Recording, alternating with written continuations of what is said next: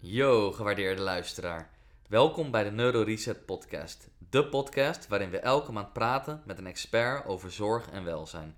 Met een kritische en nuchtere blik dagen we onszelf en jou uit om verder te kijken.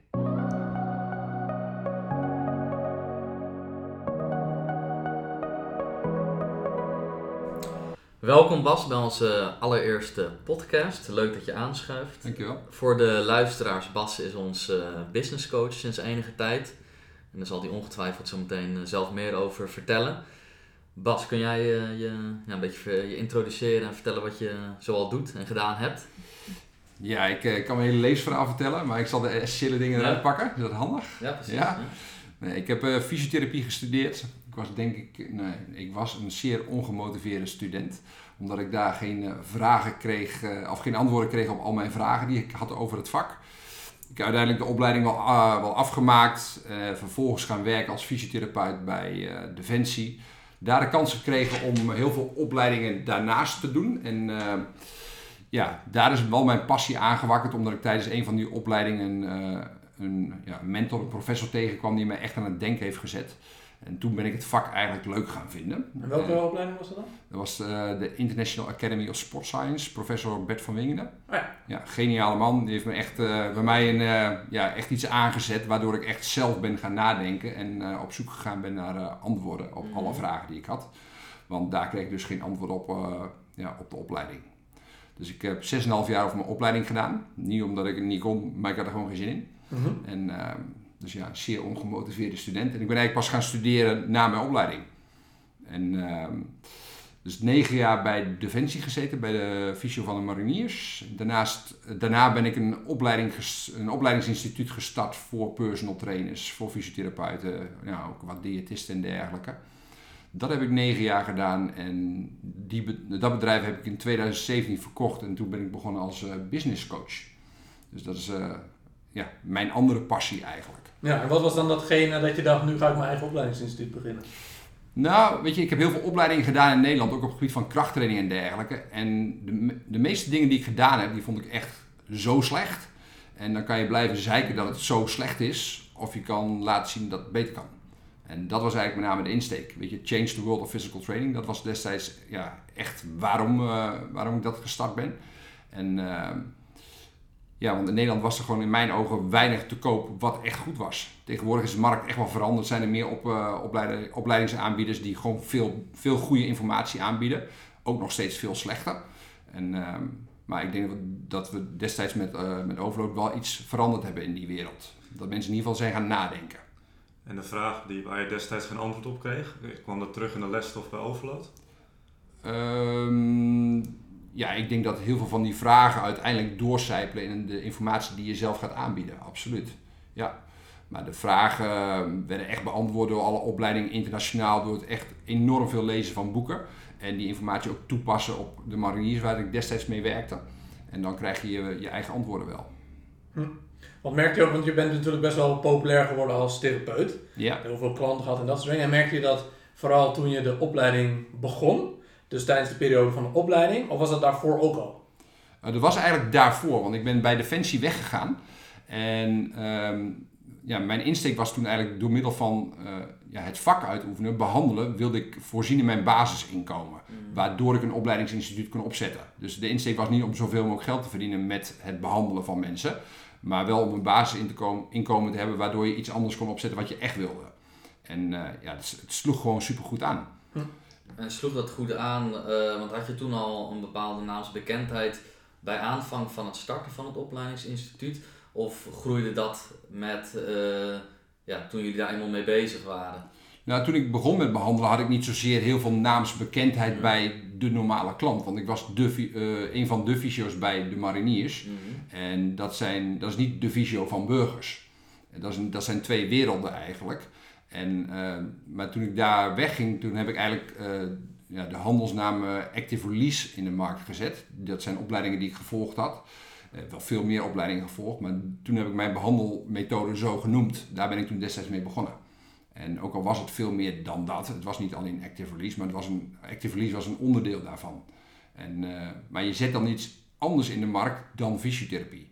Ook al ben je fysiotherapeut, je geeft het een andere naam, dat onderscheid je sowieso al. Mhm. En, eh, maar ik denk wel dat het onderscheidende, de onderscheidende factor altijd is en zal moeten zijn voor een fysiotherapeut, is dat je gewoon een fucking goed product moet afleveren. En niet zomaar een trucje gaat doen wat je op de opleiding leert. Ja, want dat, dat vinden wij nu ook zelf best wel interessant zijn. Maar dat onderscheidingsvermogen, er zijn enorm veel behandelaars, enorm veel fysiotherapeuten. Ja, er zijn ook enorm veel prutsers. Ja, maar dat bedoel ik. Maar soms kan een prutser, omdat hij hard roept of hè, zo zeker van zichzelf Ja. is, nog steeds ja, best wel een onderscheidend vermogen hebben. Maar wil niet zeggen dat het een goed onderscheidend vermogen Nee, is. dat is misschien een onderscheidend vermogen van ik trek heel veel klanten aan op korte termijn. Mhm. Maar eh, op lange termijn ja, houdt dat geen stand. Weet je, als jij een slecht product hebt, eh, weet je ook in, mijn, in de business coaching die ik nu doe, eh, het begint allemaal bij een supergoed product. Dus kijk aan alle kanten, waar kan jij je product beter maken? Word beter als therapeut, weet je, word beter in gesprekstechnieken, doe opleidingen. Maak je product zo goed mogelijk. Dat is echt stap 1. Heb je een slecht product en goede marketing, weet je, kan je echt wel business doen, maar op lange termijn zal het altijd een probleem worden. Mhm. En dat is dus inderdaad de vraag die ik daarbij heb, want je, nou, wij krijgen hier geregeld patiënten door die elders geweest zijn. Ja, Ehm, ook bij nou, bijvoorbeeld de verschillende chiropractoren op de hoek. ja, Ehm, en die daar dan hun maandelijkse check-up hebben. ja, Ehm, en dan kan je inderdaad zeggen van oké, dat, hè, nou, dat is in eerste instantie is dat al raar als je ergens maandelijks eh, altijd op af moet komen om even losgekraakt te worden of wat eh, rechtgezet te worden, noem het maar op wat daar beweerd wordt. ja. Ehm, dus toch is daar wel een markt voor en zijn er wel patiënten die daar ehm, ja, in dat verhaal meegaan en, en daar blijkbaar Ja, ja, mensen gaan heel... vragen bij stellen. Nee, weet je, mensen die vertrouwen iemand met een wi- witte jas heel snel, hè? absoluut. En eh, weet je ook, de dingen die je hoort van... eh, ja, ik hoef niet naar een andere fysio, want ik heb al een hele goede. Ja, Ehm, waar ze elke keer, keer op keer moeten terugkomen. Eigenlijk moet je jezelf als patiënt of Mhm. cliënt moet je dan afvragen... is die wel zo goed? Want ik moet elke keer terugkomen. En, want ik denk als de therapeut een probleem oplost, dan hoef jij niet terug. En oplossen van een probleem en goede informatie geven waardoor het niet terugkomt, is ook een onderdeel van jullie vak. Was ook Mhm. van mijn vak. mhm. Maar eh, dat klanten terugkomen is eigenlijk geen goed teken. Nee, en ik denk dat wij het daar ook allemaal over eens zijn. Maar toch is, ja, er wordt zo ingespeeld op die onwetendheid van de, van de klanten. Absoluut. Ja. En ja, dus wij zitten heel erg te kijken van hoe kunnen we daar nou, ehm, ja, Een eerlijke... ja, op dat, daar, daartussen komen dat wij onszelf in de markt zetten, juist met een eerlijke, transparante eh, behandeling. Ehm, zonder dat we inderdaad overschreeuwd worden door, ja, door dat soort eh, behandelaars. Ja, ik denk dat het gewoon voor jullie eh, altijd zaak is dat je het bij jezelf houdt. Dus dat, jij, dat jullie zeg maar, de klant zo goed mogelijk proberen te helpen, zo goed mogelijk proberen te informeren, waardoor je uiteindelijk gaat onderscheiden. Dat is misschien niet de snelste manier om te groeien, maar is het wel de, meest, eh, ja, de beste Duurzaam. manier om, ja, de- en om duurzaam te groeien. Dus ik zou echt altijd de bela- het belang van de klant voorop stellen. Dus maak je product zo goed mogelijk en die klanten gaan, eh, gaan voor jullie wel de, onder andere de marketing doen. Als jij een slecht product hebt, doen ze ook marketing voor je, maar niet degene die je wil. Dus daarom zal dat nooit duurzaam zijn, als je maar even schreeuwt en niet veel kan. Dus zorg ervoor dat je superveel kan en ja, dat is de basis voor eh, echt een duurzame praktijk. Ja, want wat denk je dan, wat bij jou, zeg maar, want je, dat product waar je het dan over hebt, wat maakte dat bij jou zo succesvol dan? Wat waren die ingrediënten product- voor dat product? Het product wat ik nu doe, of Nee, voor de fysiotherapie, toen je zeg maar mensen echt behandelde. Ja, omdat ik ze echt oprechte, vanuit mijn kennis, hè, en dat betekent niet dat mijn kennis heilig is, helemaal niet, maar vanuit mijn kennis gaf ik ze oprechte informatie. Van alle eh, opleidingen die ik gedaan had op het gebied van behandelen, probeer ik datgene te doen wat die klant op dat moment nodig heeft, waardoor ze snel resultaat hebben. Mhm. En wat, eh, me- als mensen snel resultaat hebben, zijn ze heel erg geneigd om dat aan andere mensen te vertellen. En daarin gebruikte ik heel erg veel referral marketing. Dus als iemand hele goede resultaten had, en dat hadden er heel veel, dan probeer ik dat systeem te activeren. Dus dan, dan vraag ik aan het eind van de behandeling bijvoorbeeld: ken je nog andere mensen die gebaat zijn bij deze methode, die dezelfde soort klachten hebben als jij? Mhm. En als je dat doet, dan gaan die mensen voor je nadenken. En dan helpen ze jou om jouw praktijk op te bouwen. En, het is, ja, en je kan heel veel marketing doen met een slecht product, maar dan zal dat niet zo werken. Want dan gaan de mensen echt niet voor je praten. En als je bovendien realiseert dat eh, negatieve feedback vaker gedeeld wordt dan positieve feedback, kan je eigenlijk maar beter zorgen dat je een goed product hebt. In welke zin bedoel je dat? Nou, als jij een, eh, een slechte ervaring hebt met een leverancier bijvoorbeeld, Ja. dan ben je eerder geneigd om dat te gaan delen en met meerdere mensen te gaan delen, dan als jij een goed, eh, goede ervaring hebt met een leverancier. Ja, oké. Dus een negatieve ervaring wordt vaker gedeeld dan een positieve ervaring. Hm. Mensen zeiken liever dan dat ze positief zijn. Oké. En qua eigenschappen, wat denk je dan qua persoon? Denk je dat dat... Want ik denk dan namelijk, wij zijn van mening dat hè, de behandelaar en het resultaat ook heel erg te maken heeft met de persoon die iemand behandelt. 100%. Ja. Wat denk je dat eigenschappen van jou waren waarom dat, hè, dat mensen vaak een positief resultaat behaalden? Nou, ik denk sowieso dat ik veel tools had die ik, zou, die ik kon inzetten. Mhm. Dus veel behandeltools, veel, ja, veel opleidingen gedaan, veel dingen geleerd. De bullshit een beetje gefilterd eh, uit al die opleidingen. En de positieve dingen, de goede dingen eruit gehaald. Eh, dus je kan letterlijk iets. En daarnaast is het ook heel erg eh, belangrijk in mijn ogen dat je, ehm, dat je doet wat je weet. Maar als je iets niet weet, dat je dat ook aangeeft. Dus dat je heel goed weet tot waarin jij van waarde kan zijn voor die klant. Mhm. Dus ja, ik denk dat dat echt een heel belangrijk iets is. Geef echt aan van tot hoever je ze kan helpen. En ga ze niet helpen terwijl je ze eigenlijk niet kan helpen.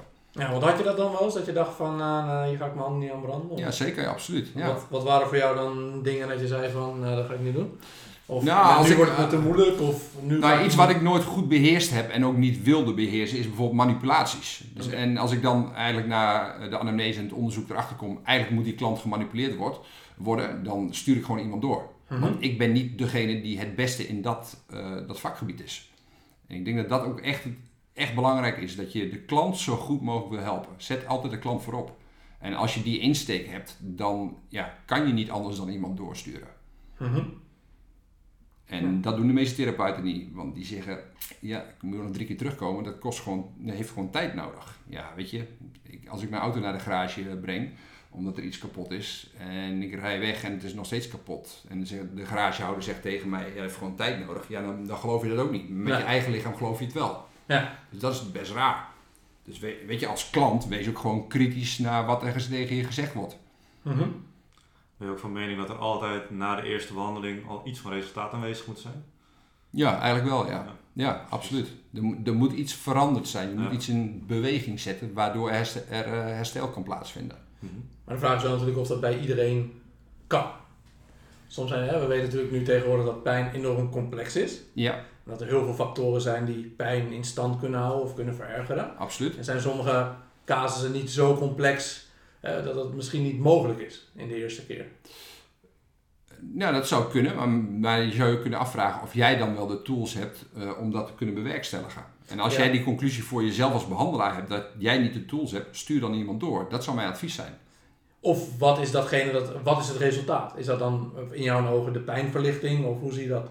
Nou, dat kan pijnverlichting zijn, dat kan eh bewegingstoename zijn in bepaalde gewrichten. Maar eigenlijk gaat het, eh, gaat het erom dat de klant komt binnen met een probleem en die wil eigenlijk met een minder groot probleem de deur uitgaan. Mhm. Dat is eigenlijk eh, ja, het brede beeld. Ja, En als dat niet verandert, ja, dan moet je afvragen wat je op dat moment aan het doen bent en of dat wel zinvol is. Mhm. Hoe denk jij daarover dan? Ja, ik zit er even over na te denken. Ehm, Ik, ik bedoel net niet te zeggen dat alles in één keer over hoeft te zijn. Hè? Mhm. Want dat, ja, Nee, bedoelt dat, dat, kan iemand- niet altijd. Nee, je Eh, bedoelt dat je iemand iets meegeeft, ja, waardoor je weer iets verder bij de oplossing ja, is. je, ja, je wil progressie boeken. Ja, maar dat kan ook bijvoorbeeld zijn dat iemand net iets meer over zijn klacht weet. eh, waardoor Dat kan ook minder- informatie zijn, Ja, dat soort absoluut. dingen. Ja. Dat eh, iemand iets veiliger gevoel heeft. Absoluut. Of een start wil gaan maken. Dat Ja. soort dingen. Of niet ja, per se. daar ben ik het absoluut mee eens. Ehm, ja, het lastige inderdaad zeker als wij... ehm, we zijn hier heel veel mensen die eerst bij andere therapeuten geweest zijn. Die langdurig aanhoudende klachten hebben. Ja, heel, heel vaak willen mensen eh, meegenomen worden en, en, en in een verhaal dat ze binnen, binnen twee keer van 50% van hun klachten af zijn. Terwijl dat gewoon in de realiteit... eh, Dat kan niet altijd. dat kan niet altijd, Nee. absoluut niet. En ja, ik denk dat de vraag ook is, wanneer, hoe, ja, hoe, hoe lang geef je de tijd om, ehm, om eh, een patiënt eh, de, behandel, de behandeling eigen te maken? Hè? Want wij werken ook vaak met pijneducatie, met oefeningen die mensen thuis moeten doen. Eh, maar dat kan, ook- kan ook zijn het veranderen van negatieve cognities ten aanzien van pijn. Absoluut. Ehm, Jouw woordkeuze is extreem belangrijk. Absoluut. Maar, maar het is ook inderdaad de bewegingsangst bijvoorbeeld die vaak bij mensen aanwezig is. Ehm, ja, dat, dat, dat ligt ook deels bij hoe mensen dat zelf oppakken. Absoluut. Ehm, dus dan is inderdaad van, soms dan, dan, dan vraag je je als behandelaar af, ehm, ja, moet ik dit op een andere manier aanpakken of moet ik op dezelfde manier doorgaan en heeft iemand het meer herhaling nodig? Ja, maar als, je, als iemand dat iets is waar jij heel vaak tegenaan loopt, of jullie vaak tegenaan Mhm. lopen, dan zou ik me de vraag stellen, welke skills mis ik? Wat is Mhm. mijn missing link waardoor ik die klant niet goed kan helpen? En dan kom je eerder, denk ik, bij een soort coaching skills. Of misschien eh, gesprekstechnieken, waardoor je iemand ergens naartoe kan bewegen. Want als jij tegen een, een rugpatiënt zegt van eh, beweeg eens echt heel voorzichtig voorover, eh, Mhm. tot je pijngrens. Je mag absoluut niks provoceren. Nou, dan weet je al hoe die gaat bewegen. Maar als ik na de behandeling bijvoorbeeld zeg van raak de grond eens aan, is mijn intonatie heel erg anders en zal er ook letterlijk iets anders gaan gebeuren. En eh, dus ook door jouw woordkeuze kan je het brein van een ander beïnvloeden, waardoor die ander resultaat heeft. En als je die gesprekstechnieken niet beheerst, dan zou dat een missing skill kunnen zijn in jullie arsenaal. Ja. Ja, dat is wel interessant inderdaad. Hè? Ook omdat nu vooral uit onderzoek komt dat pijn heel erg met verwachtingen te maken heeft. Wat jij Absoluut. net zei. Ja, En dus mensen het idee hebben dat iets heel erg pijn gaat doen, of de verwachting dat iets pijn gaat doen, eh, dat dat dan ook vaak pijn gaat doen. ja, En daarom zien we ook dat inderdaad in ons vakgebied die coachende skills steeds belangrijker worden. ja, maar dat heb ik echt gezien. Ja, om mensen daarin eh, ja, te onderwijzen eigenlijk. Hè? Ja, want je krijgt vaak ook een soort overtreffende trap. Hè? Dat eh, als je spectaculaire resultaten boekt met mensen, en dat heb ik echt wel gedaan, waren echt, ja, ik denk ook zo, nou, had ik zelf ook niet verwacht, maar Mhm. die zijn echt spectaculair dan. En die mensen gaan erover praten tegen andere mensen, wordt het verwachtingspatroon steeds groter, Zeker. maar ook het geloof wordt steeds groter. Ja. En hoe groter het geloof ook daarin wordt, in het positieve effect, ja, hoe makkelijker vaak het resultaat te boeken is. Ja, dus ze worden eigenlijk al gelijk een stukje beter wetende dat ze Ja, ze worden al positief gekaderd Ja, eigenlijk. dat, ja. ja. en dat helpt ook. Dus dan, gaat je, ja, dan wordt je faam op dat gebied eigenlijk heel groot, terwijl Ja. andere mensen dat voor je doen. Ja, dat is ook best wel een bekend eh, pijnonderzoek. Dan lieten ze zeg maar mensen gaven ze een eh, pijnstimulus Ja, met een, eh, met een koud object. Hè. Dat is, wordt vaak gewaar- waargenomen als pijn. ja, En de ene groep lieten ze een blauw licht zien en de andere een rood licht. ja. En de mensen die een rood licht te zien kregen, die, ja, die gaven ervaren veel waarschijnlijk meer pijn. meer, pijn, omdat ze dat associeerden met met vaar. gevaar, vuur, dat soort dingen.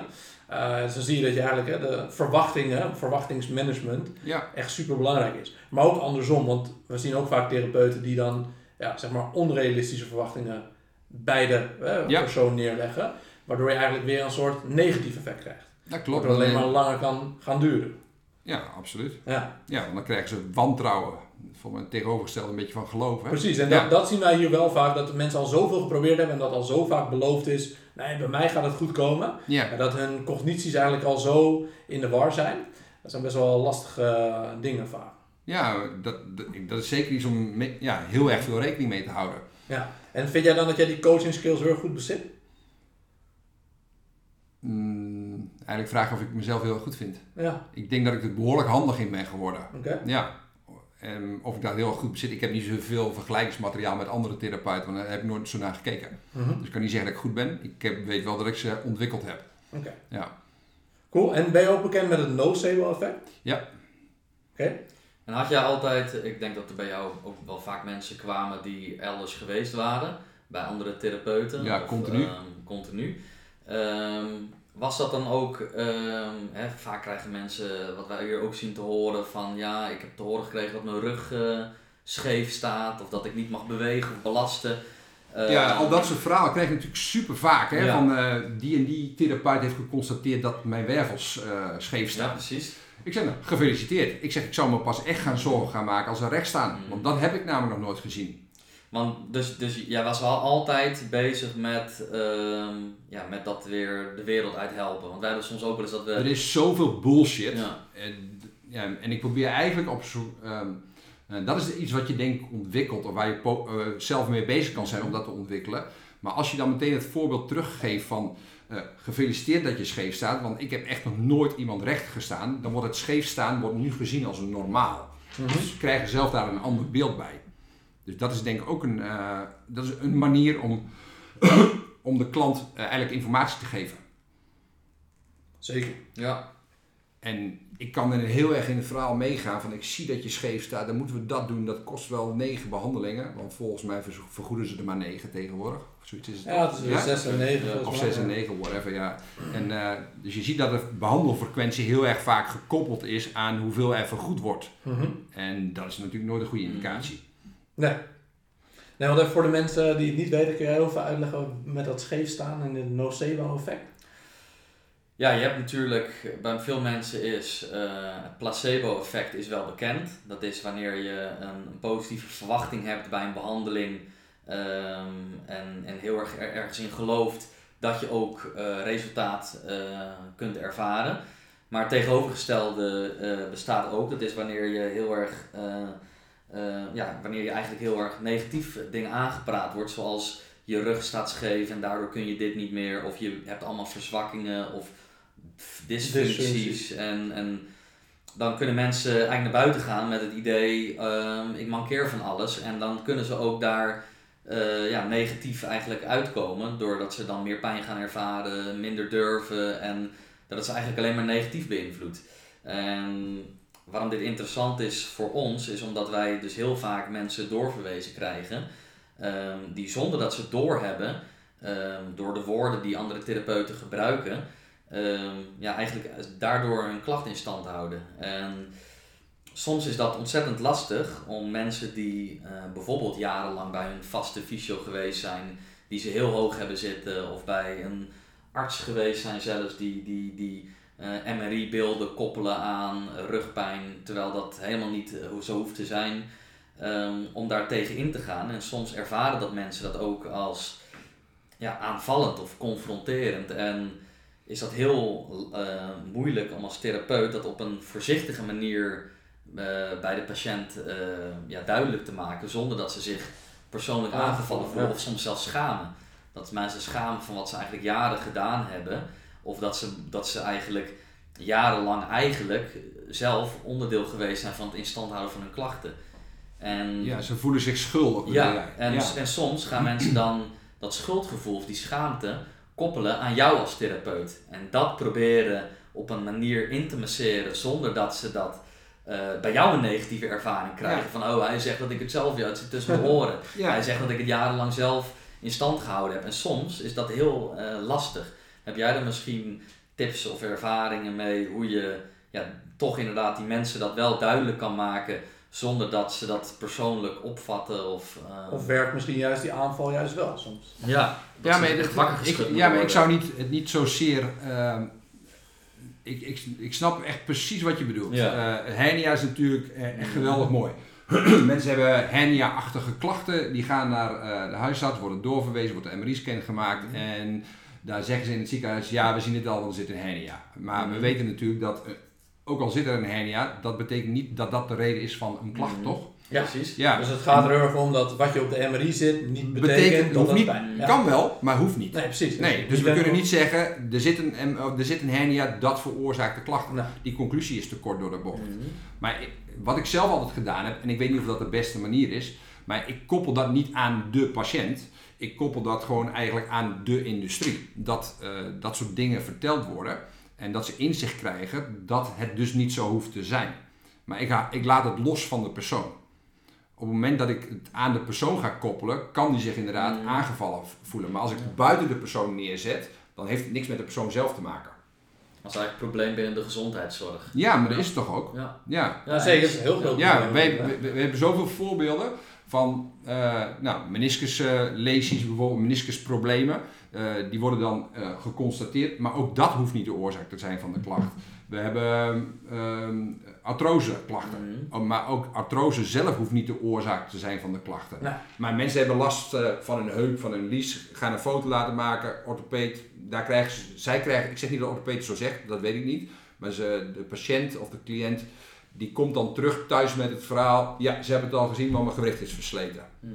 Ja, Dus dat als je was- die koppeling letterlijk maakt, ja, dan ik heb een versleten gewricht, daardoor komt het, gaat nooit meer over. Ja. Ja, en dan probeer je letterlijk dat uh, de patiënt de informatie te geven, ja, dit is wat er gecommuniceerd wordt, maar wij zijn het niet meer eens. Want, en dan geef ik gewoon een praktijkvoorbeeld of een, uh, Mhm. waardoor ze dat inzicht krijgen. Dus ik ga niet de klant eigenlijk zeggen, je bent zo gekaderd. Maar ik laat gewoon een voorbeeld zien dat het dus niet zo hoeft te zijn.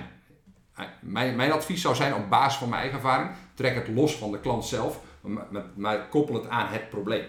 Dat was wel een heel grappig eh, groot onderzoek. Eh, ik ben niet zo heel goed in statistieken altijd, maar was in Engeland hadden ze volgens mij duizend mensen zonder pijn genomen. En van al die mensen hebben ze MRI's eh, scans gemaakt. En dan vonden ze volgens mij uit mijn hoofd, eh 37% van de mensen had een scheur in de meniscus. Maar er is helemaal nergens last van. Nee, maar dat Eh, zegt, dat ja. zegt, en dat soort voorbeelden geef ik dan vaak. Ja, precies, dat doen wij ook vaak. Ik ja. doe het ook wel eens gekscherend. Dan zegt iemand, eh, ja, ze denken dat ik last heb van meniscus. Dan pak ik een, eh, een euro. Ik zeg kop of munt en dan gooi ik hem op. Ik zeg, oh, je hebt geen, je hebt geen probleem met je meniscus. Ja. Ik zeg, aan de andere kant zou het wel zijn. Ik zeg, want het is zo onbetrouwbaar dat ik dat niet kan zeggen. ja. Nee, het is veel te kort door de bocht om dat gelijk aan de pijn. Ja, In principe, MRI's laten alleen anatomische structuren zien ja en, en geen oorzaken en van pijn. MRI geeft natuurlijk de meeste waarde als je dat periodiek zou doen. Want dan zie je veranderingen. Ja, maar dan weet je nog steeds niet of we dat direct aan de Nee, maar dan heb je wel wat meer informatie. Dan maar gewoon at random op een bepaald moment Ja. één MRI. Eens. Dat is waar, dat is waar. Ja. Alleen het is wel heel lastig inderdaad als mensen het eenmaal gezien hebben. Dan is het ook heel logisch voor mensen. Want, hè, dat, Dat klopt. Ik snap heel erg goed dat de klant op dat moment denkt, het is zo. Ja, Dat begrijp ik heel goed. zeker. Maar ik wil dan zo snel mogelijk omtoveren dat het dus niet zo hoeft te zijn. Ja. Maar dat koppel ik niet aan de persoon zelf. En merk je dat de mensen daar snel naar luisteren? Of bleef Ja, er toch meer vertrouwen in de witte jas? eh, Nee, mensen, mensen snappen dat wel. Mhm. Ja. Misschien dat ik wel een beetje krachtig overkom soms. En dan ben ik meestal ook een halve meter langer. Misschien dat dat helpt. Maar, Ja. nee, maar als je dat gewoon echt zo simpel mogelijk, zo duidelijk mogelijk vertelt. Ja, iedereen begrijpt het gewoon ongeveer.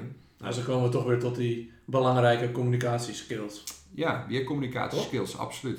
Ja. En ik denk vooral heel veel beeldspraak en voorbeeld dat inderdaad goed... eh, Ja, ik probeer Ja. het wel echt, ook al klopt dat dan eh, misschien niet helemaal, als je, als je iets uitlegt over sommige ziektebeelden of aandoeningen.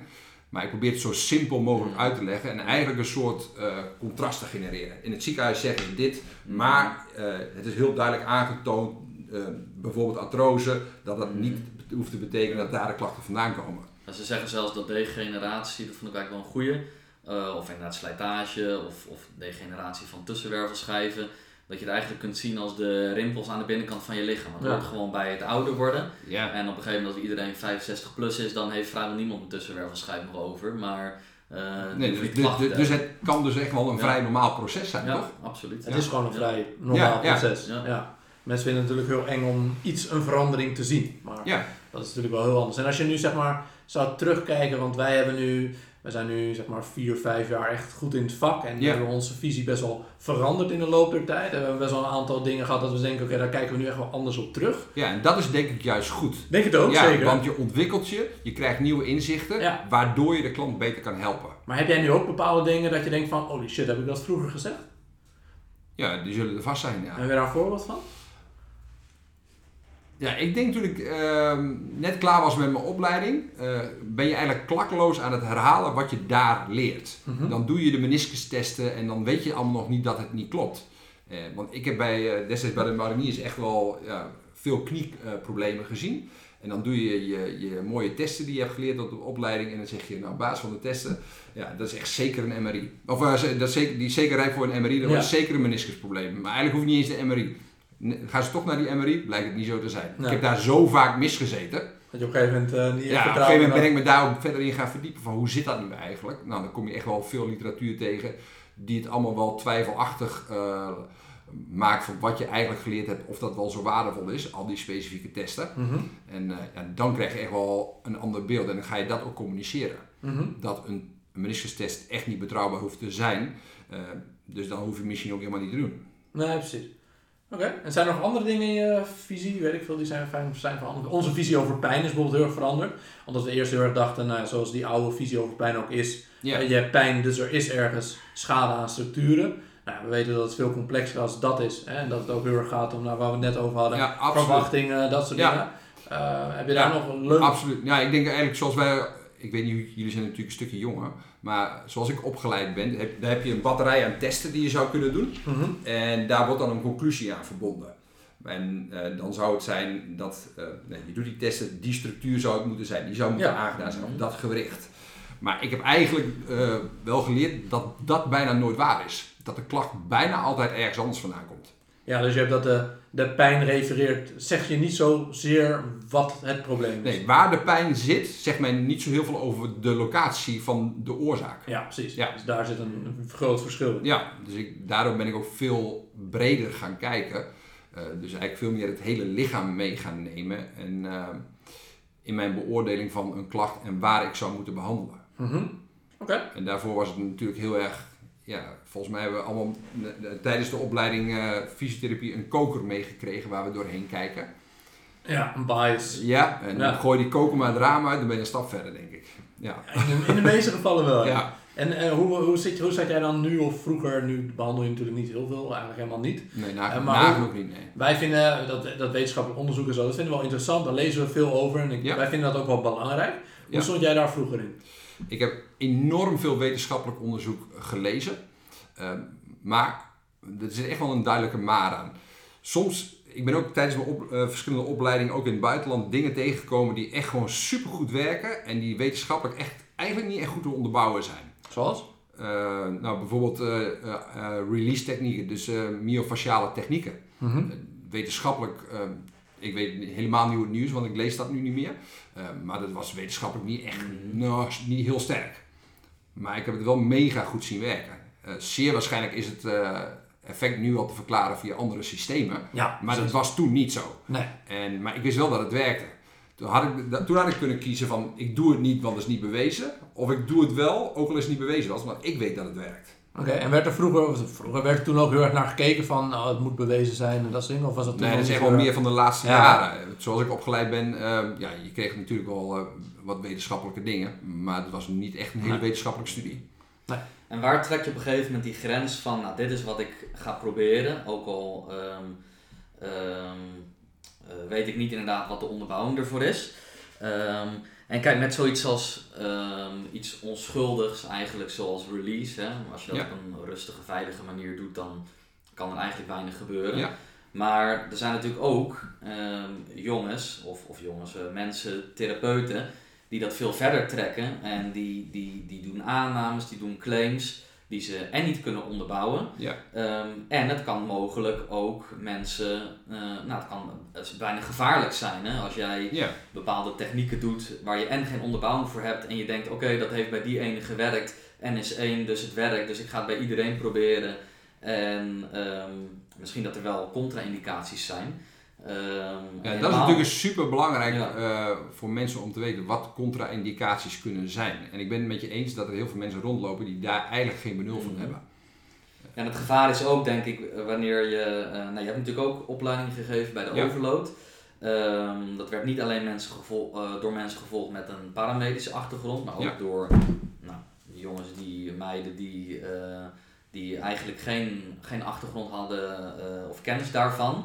Ehm, ja, hoe is daar je, wat is daar je, je visie op? Ehm, hè, want, want je kan natuurlijk onmogelijk in een, een, een aantal dagen dat je een cursus volgt, eh, even vanuit gaan dat dat het enige is wat je gedaan hebt, kun je natuurlijk nooit een volledig beeld krijgen van wat eh, inderdaad rode vlaggen zijn bijvoorbeeld, of wanneer je iemand niet zou moeten behandelen, of wanneer je een bepaalde techniek absoluut niet zou moeten doen. Ehm, ja, wat is daar je, je visie op? Ja, ten, ten eerste, ik kan natuurlijk niet zeggen hoe dat nu gebeurt, want ik ben er niet meer en ik volg het niet meer. Ja? Ehm, maar ik denk dat het. ehm, ten eerste, de- wat ik destijds heb eh, onderwezen, was met name om de brug te kunnen slaan tussen de personal trainers en de fysiotherapeuten. En dat kleine, kleine blessures, dat je daar misschien wat dingen zou kunnen proberen, Mhm. waardoor de klant niet meteen naar de fysio hoefde.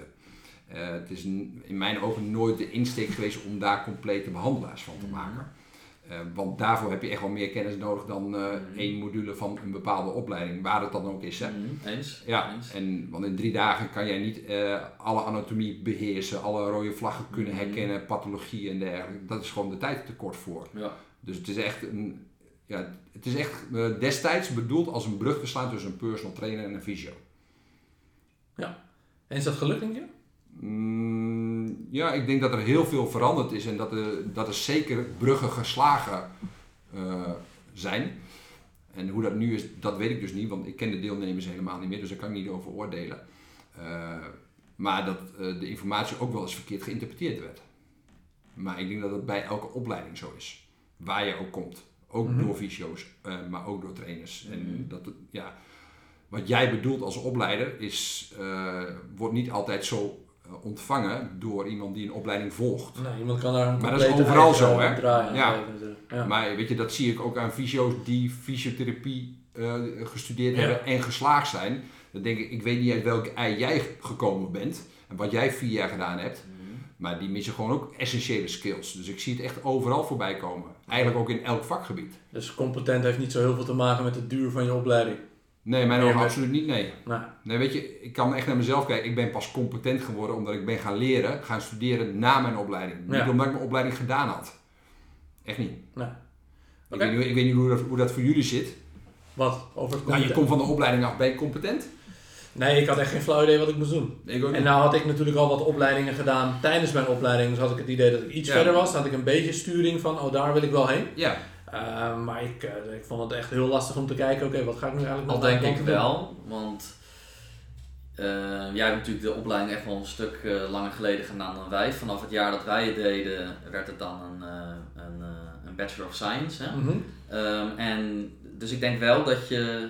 Andere achtergrond. je, je leert wel kritisch nadenken. Dus je leert inderdaad hoe je literatuur moet opzoeken. ehm, en je leert wel inderdaad een bepaalde paramedische achtergrond. Maak je niet per se competent in mensen beter kunnen helpen. Maar het maakt je wel, het geeft je wel een soort van eh, basis waarvanuit je kunt gaan leren, denk ik. En ik denk dat ik denk dat, dat wel een voorwaarde is om, om, om uiteindelijk goed mensen te kunnen gaan helpen. Ja daar ben ik wel met je eens. Je, je krijgt een soort framework waar- Ja. van, van waar Ja. je kan gaan werken. Ja. Ja, Dus je weet in Maar ieder geval, oké, deze mensen hè, hebben rode vlaggen, die kan ik gewoon absoluut, eh, moet ik ja want ik denk dat het misschien wel het belangrijkste is voor alle, misschien wel alle paramedische beroepen. Dat je vooral verdomd goed moet weten wanneer je iets niet moet doen. Ja, absoluut. Ja. Dat het echt heel belangrijk is. En ik denk dat je dat, dat, je dat, wel, dat je dat wel leert op de opleiding. Ja. dat is wel goed. En ik denk ook inderdaad dat dat wel bij heel veel mensen nu mist. Een soort van dat ze kritisch kunnen nadenken. We hadden natuurlijk net over het, voordat we de podcast opnamen over die documentaire, Game Changers. Ja, Game ze- Change is een heel mooi voorbeeld. Ja, is perfect. Ja, mensen zijn die- heel die- makkelijk te overtuigen. Ja, ze hebben die documentaire geweldig mooi in, in, in elkaar gezet. Ja. Waardoor je het verhaal heel snel gaat geloven. Ja. Maar ga je elk onderdeeltje van het verhaal, van de game changes eh, analyseren, dan klopt er, eigenlijk, waar. klopt er eigenlijk geen ruk van.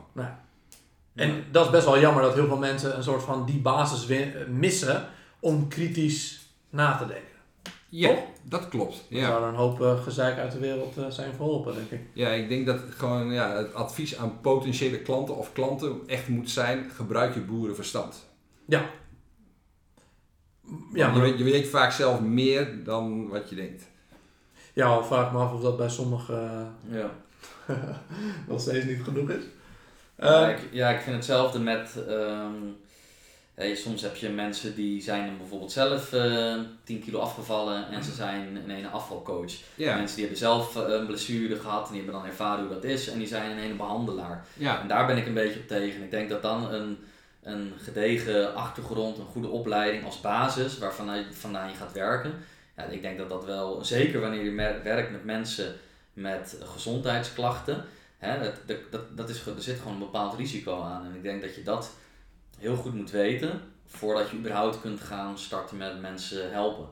ja, Ik zie dat echt als een voorwaarde. maar, en hoe zou jij mensen eh, meer kritisch laten nadenken dan? Wat zou daar voor een tool kunnen zijn? Of is dat gewoon je mindset die je jezelf aanleert?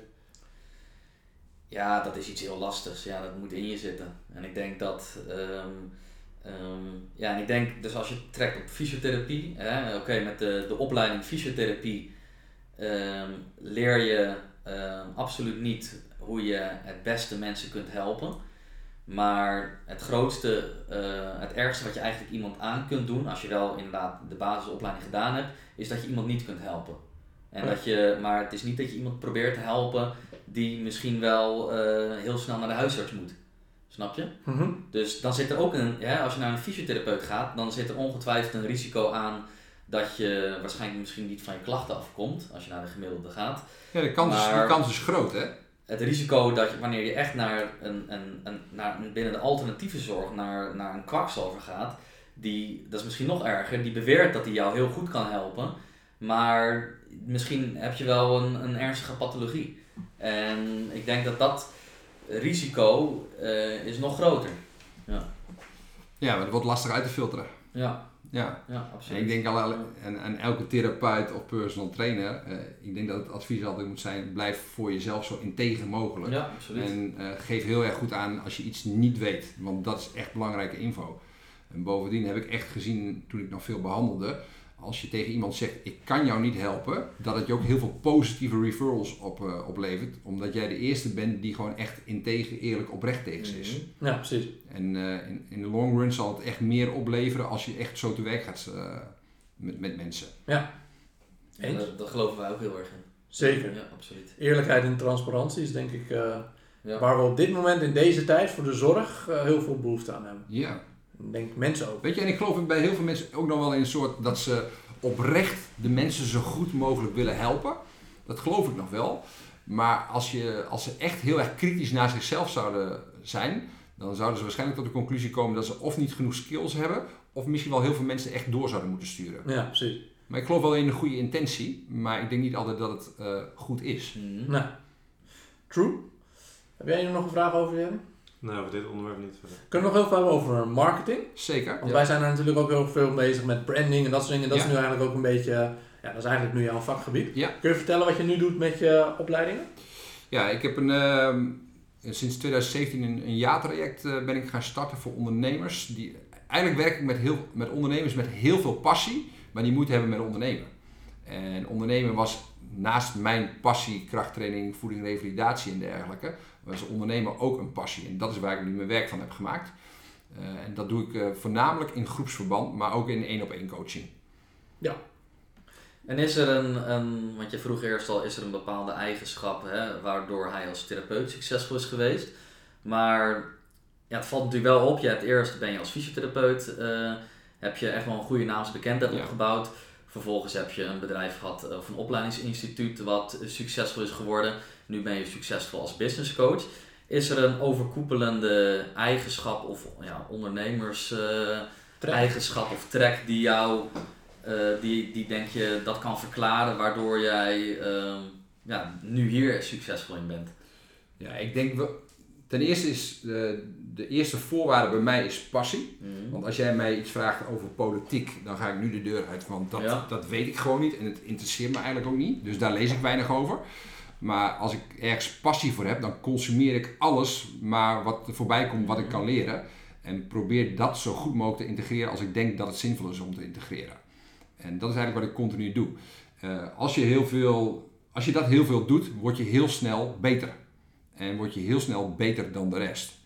En als we even het fysiotherapeut weer als, eh, of een personal trainer als voorbeeld aanhalen. Als jij een opleiding fysiotherapie doet en na de tijd stop je met leren. Mhm. En iemand anders die begint dan met leren, word je heel snel ingehaald. En ik denk dat dat wel, ja, dus de hoeveelheid kennis, ehm, dat dat sowieso wel een onderscheidend iets is. Ehm, want ik, voor mij is het belangrijk dat ik, als ik iets niet weet, dat ik eh, iemand door kan sturen. En als ik iets niet weet wat ik wel zelf zou kunnen leren, dan probeer ik dat zelf op te pakken. Waardoor ik mijn deelnemers van het jaarprogramma weer nog beter kan helpen. Dus ook dat, dat helpen aspect, dat is ook heel erg belangrijk. Oprechtheid. En ik denk Ja, maar je- weet je, jij hebt natuurlijk vanaf het begin in dat programma gezeten, Zeker. Patrick. En, Heel veel aan gehad. Ja, en, je, Ja. en jij, jij weet gewoon hoe ik in de wedstrijd sta. Ik weet echt niet alle antwoorden, maar ik probeer je wel zo goed mogelijk te helpen. Ja, En dat, dat is echt de insteek. Die, ja, dat je echt de klant voorop stelt. En voor mij betekent dat dat ik gewoon heel simpel moet groeien in kennis. Hmm. En dat vind ik toevallig ook superleuk als ik er passie voor heb. ja. En- blijven leren en, en niet met een, een, een cursus hier of een cursus daar genoegen nemen en van dit is het, maar altijd openstaan voor... Altijd openstaan. Weet je, ik vraag me eigenlijk, me- dat heb ik eigenlijk altijd gedaan, van eh, hoe kan het beter? Dus wat is de zwakke schakel in wat ik aan het doen ben? Is de zwakke schakel in iemand die ik help? En als je die zwakke schakel kan oplossen, dan kan je eh, heel, hele mooie grote sprongen maken.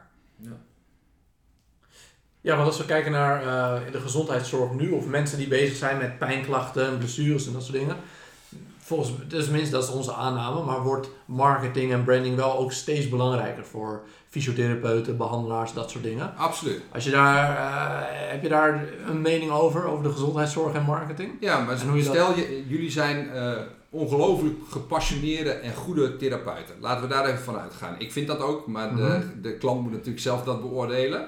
En niemand weet dat je bestaat. Ja. Dan ben je hier heel erg gepassioneerd en heel erg goed in een lege toko. Dus kan je niet veel mensen helpen. Nee. Ik zie marketing. eh, eh, weet je, mensen voelen zich daar, weet je, van ik word ergens ingeluld of zo. Maar zo zie ik het helemaal niet. Ik vind het eigenlijk, als jij een heel goed product hebt, eh, heel erg veel mensen kan helpen, vind ik het je morele plicht om dat aan zoveel mogelijk mensen te laten weten. En als je marketing ook met die insteek doet, krijg je een heel ander gevoel er zelf ook bij. Ja, precies. Ja, dus ik zou jullie echt adviseren, doe zoveel mogelijk aan marketing. Dus eigenlijk vertel zoveel mogelijk mensen wat, jij, wat jullie voor hun kunnen betekenen. Ja. Nou, wij doen dat natuurlijk nu ook wel. Ik denk dat Ja, dat, eh, maar dat, deden jullie niet. Nee, en dat deden we wel. zeker. Nee. Maar nu zijn jullie daar goed mee bezig, waardoor je ja, meer bekendheid krijgt. Meer mensen weten jullie te vinden. En je kan dus meer mensen helpen. Ja, wat zou je voor eh, een praktijk die daar nu nog helemaal niks mee doet, of een behandelaar die daar nu nog helemaal niks mee doet, wat zouden dan tips zijn over marketing of branding die je als eerste, waar je als eerste aan zou moeten gaan werken? Nou, als we nu vragen aan de gewone, eh, nou, de, de gewoon kleine ondernemingen. De Mhm. meeste mensen hebben heel veel mond-op-mond reclame.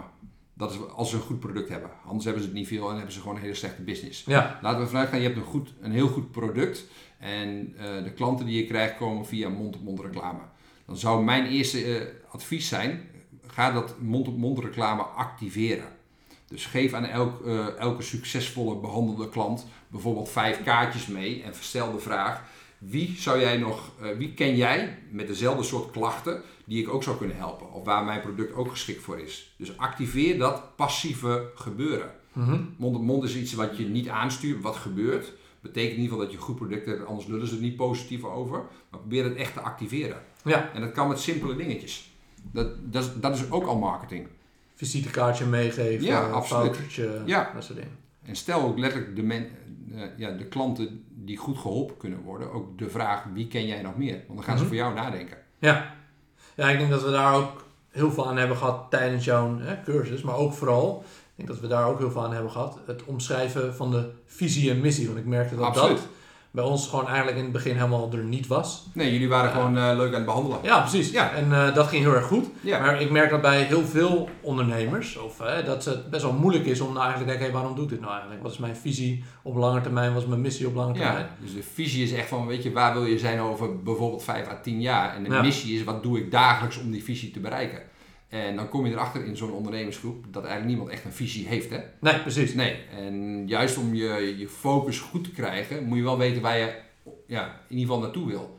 Hoe scherper je hem krijgt, hoe makkelijker het wordt. En eh, dat hij in de toekomst ook ergens weer gaat veranderen, dat is allemaal prima. Ja. Maar je, je moet wel ergens naartoe groeien. En als je niet weet waar dat is, dan wordt het heel lastig.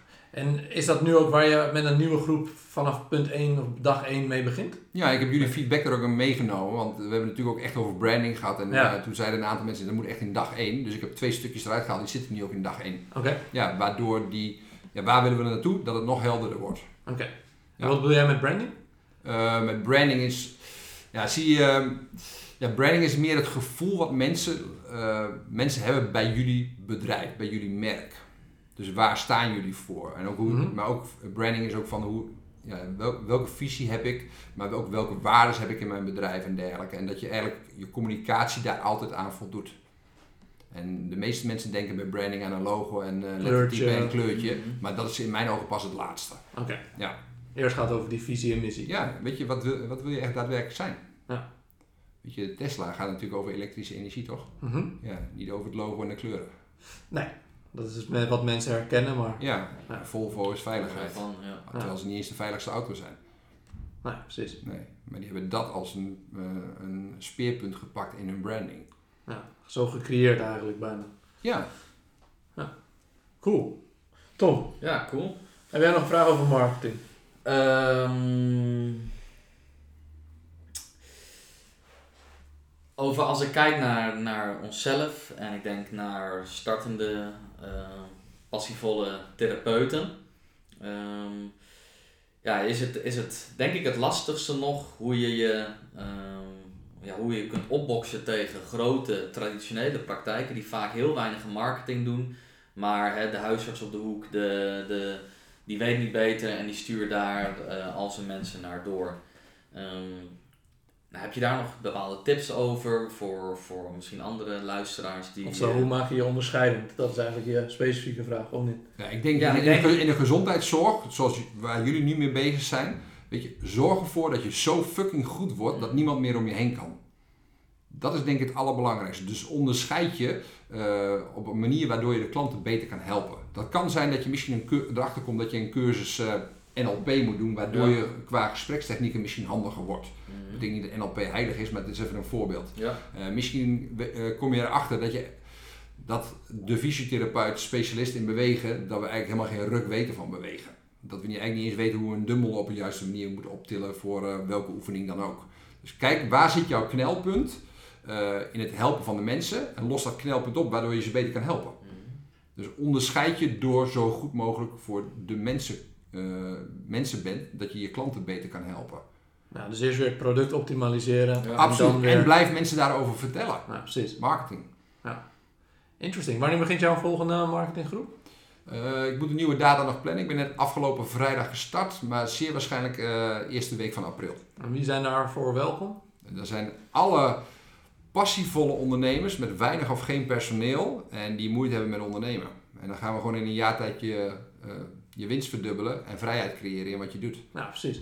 Nou, wij kunnen het zeker aanraden. We zijn nu denk ik drie jaar bezig al. Hè? En jij bent drie jaar bezig. Ik ben drie jaar bezig. Ja. We zijn nu een jaar. We zijn nu sinds mm, oktober, november zijn wij dan ehm, ja, één op één bezig. Ja. ja. Bevalt hartstikke goed. Zeker, absoluut aan te raden. Ja, en ik denk dat je ook hebt kunnen zien wat de ontwikkelingen zijn. Dus dat is eh, Zeker, voor ja. mensen... Weet je, jullie worden nu vaak eh, genoemd van wij willen iets neerzetten zoals Ja, eh, precies. Neuroreset. Ja. Dus er, er hebben- er is iets neergezet. Ja, Ja, je valt niet op. Ja. Ja, dus dat is mooi. Cool. Heb jij verder nog iets toe te voegen aan dit gesprek? Of iets wat je graag wilde melden?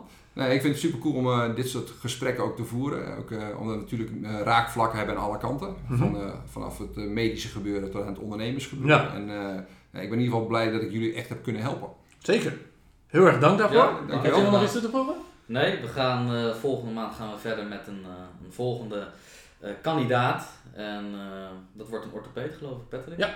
Orthopeed. En dan gaan we het hebben over eh, total, hier, zo, total hip en total knee. En dan gaan we hem ook gelijk weer even vragen stellen waar we het net over hadden. eh, over die MRI's en hoe, die, hoe zijn visie daarop is. Want je ziet toch ook dat bij orthopeden dat ook nog niet Ja. vaak eh, doorgedrongen is. Dus eh, we gaan hem ook wat kritische vragen aan ja. de schenen En mocht er nou iemand zijn die nu al aan het luisteren is en eh, nou, ook leuke, interessante, kritische eh, vragen heeft, nou, stuur ze alvast door en dan eh, kunnen we die wellicht meenemen. Dankjewel Bas. Graag gedaan. Yes, thanks.